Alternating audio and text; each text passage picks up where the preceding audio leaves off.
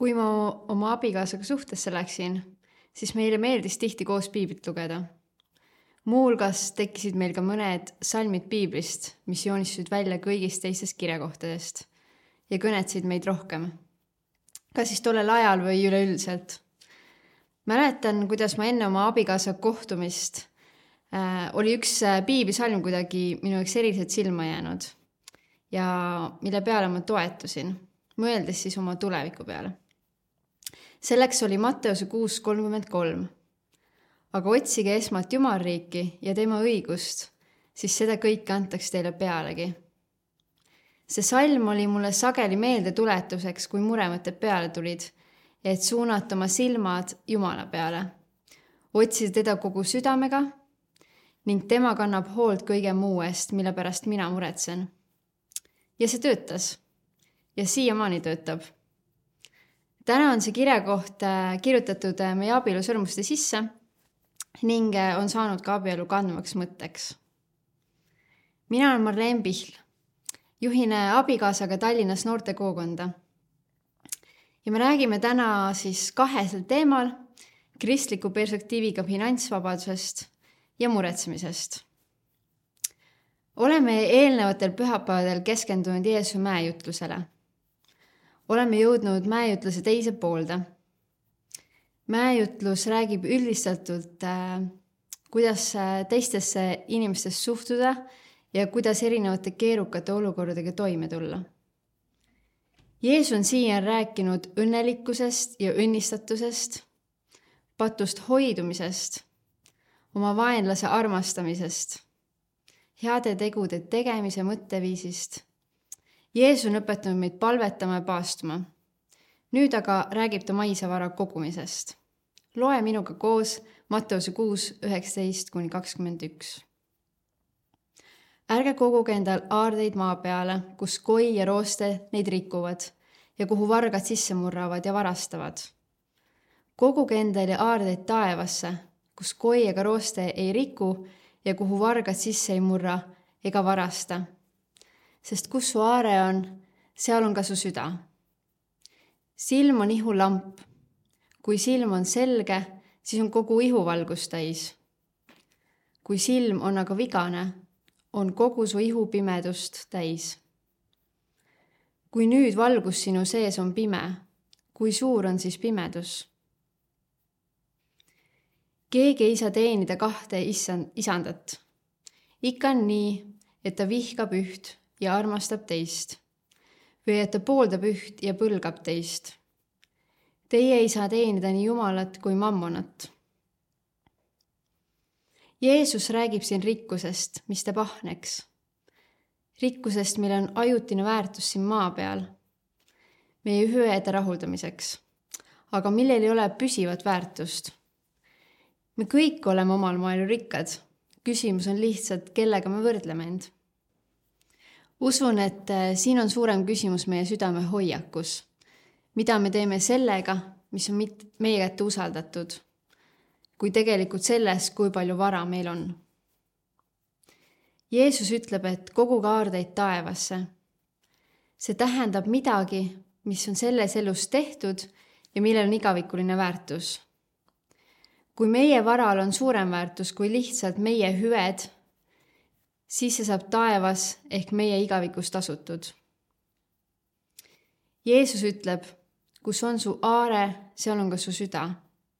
see on see süda, mis on kogu meie olemuse kese, meie meel, tahe ja emotsioonid. silm on selge, tähendab, et mõistame rikkuse kogumise ohtlikkust ja selle rumalust.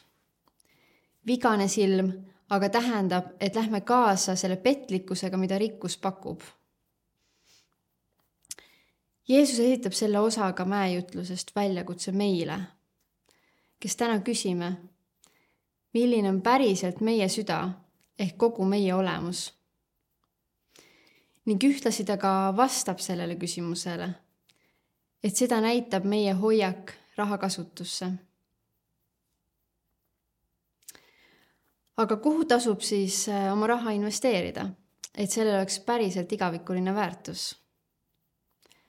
kõige selgem vastus, mida piibel välja toob, on Jumala kuningriiki. selleks on tänases mõistes kogudused ja muud projektid, mis selgelt Jumala sõna kuulutavad. piibel räägib kümnise andmisest ehk kümme protsenti meie sissetulekutest, mis peaks kuulma Jumalale aga miks inimesed mõnikord äh, kümnist ei maksa, on see, et nad tunnevad, et neil jääb endale vähe raha kätte. ning äh, sellepärast ei saa nad endale võib-olla osta midagi, mida nad tahaksid. kuid Jumal ongi öelnud meile, et me ei koguks endale aardeid maa peale. me ei ostaks lihtsalt toredaid asju, mis tegelikult meie jaoks mõne aja möödudes kaotavad selle väärtuse tänapäeval on ju tavaline, et tüdrukutel on garderoobid riideid täis või, või kutid ostavad endal hunnikus äh, arvutimänge, mis on tegelikult päris kulukad.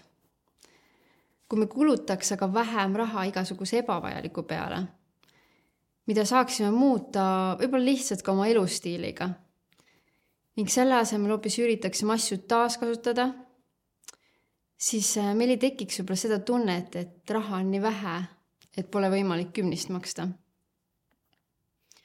jumal ootab meilt tarka finantskäitumist, sealjuures ka tema usaldamist kõigega, ka sellega, mis tundub esmapilgul keeruline.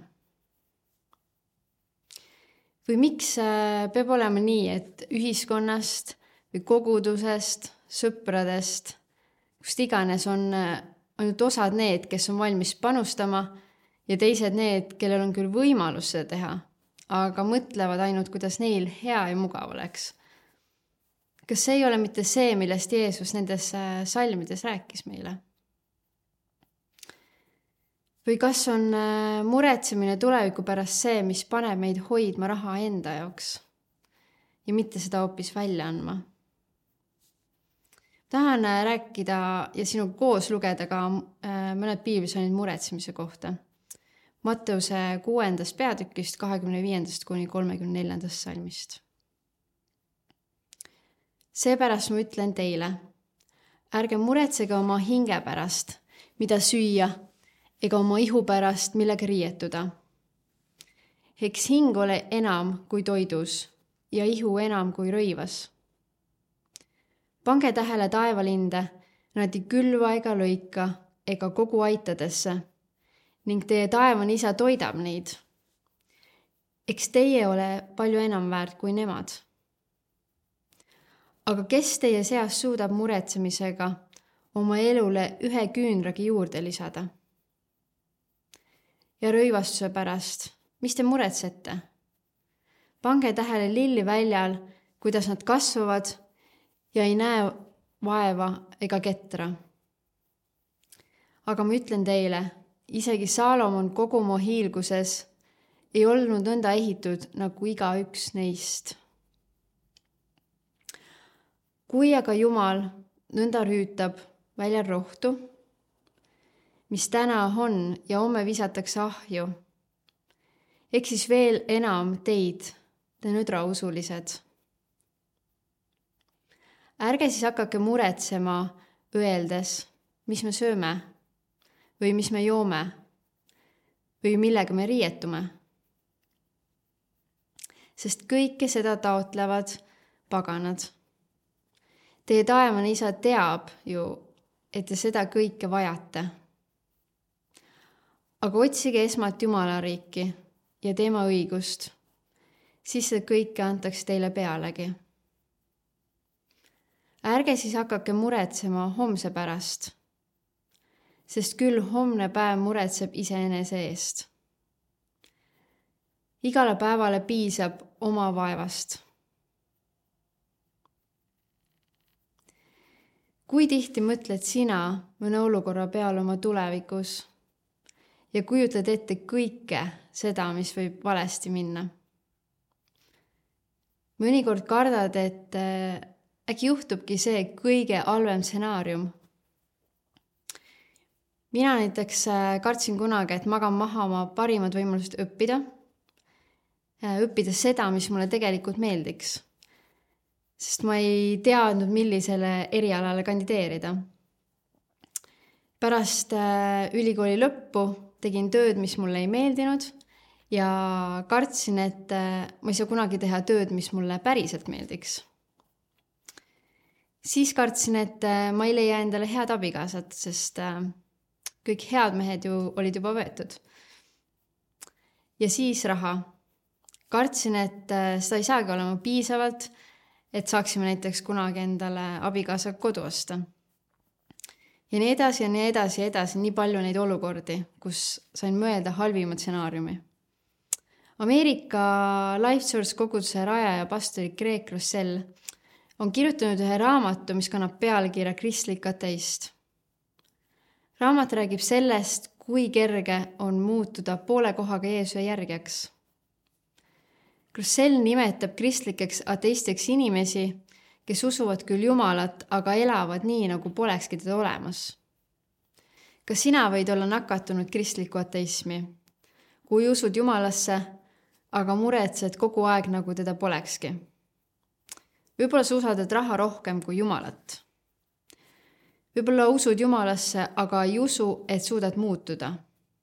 ei suuda andestada või arvad hoopis, et kogudust pole sulle vaja mida me aga ei mõistagi oma tulevikku ette kujutledes, on see, et võime jätta Jumala nendest täiesti välja. kujutame ette neid olukordi nii, nagu Jumalat ei eksisteerikski. kas ei ole muretsemisega ka mitte nii, et kui meil on kiire või palju teha, siis läheb muretsemine tihti suuremaks?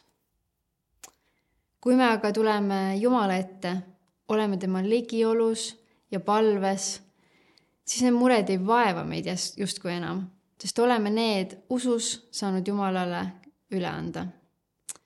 et tema nende eest hoolt kannaks. seda kinnitab ka kirjakoht piiblis, Filipplaste neljandas peatükis ja kuuendas salmis. Ärge muretsege ühtegi, vaid teie vajadused saagu kõiges Jumalale teatavaks, tänu ütlemisega, palumises ja anumises ma tahan täna öelda sulle, kes sa nii hästi ei tunne veel Jumalat või ei usu temasse. Jeesus tõi täna loetud mäejutluse osas välja selgelt Jumala südame. Jumala kuningriigis ei kehti sama seadus, mis on levinud meie ühiskonnas. kuidas sina mulle, nii mina sulle.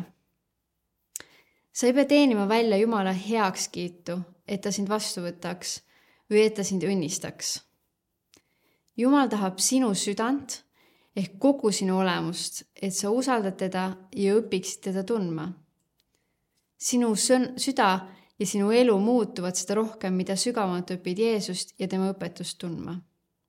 see muudab sind ja toob sinu ellu vabaduse muretsemisest.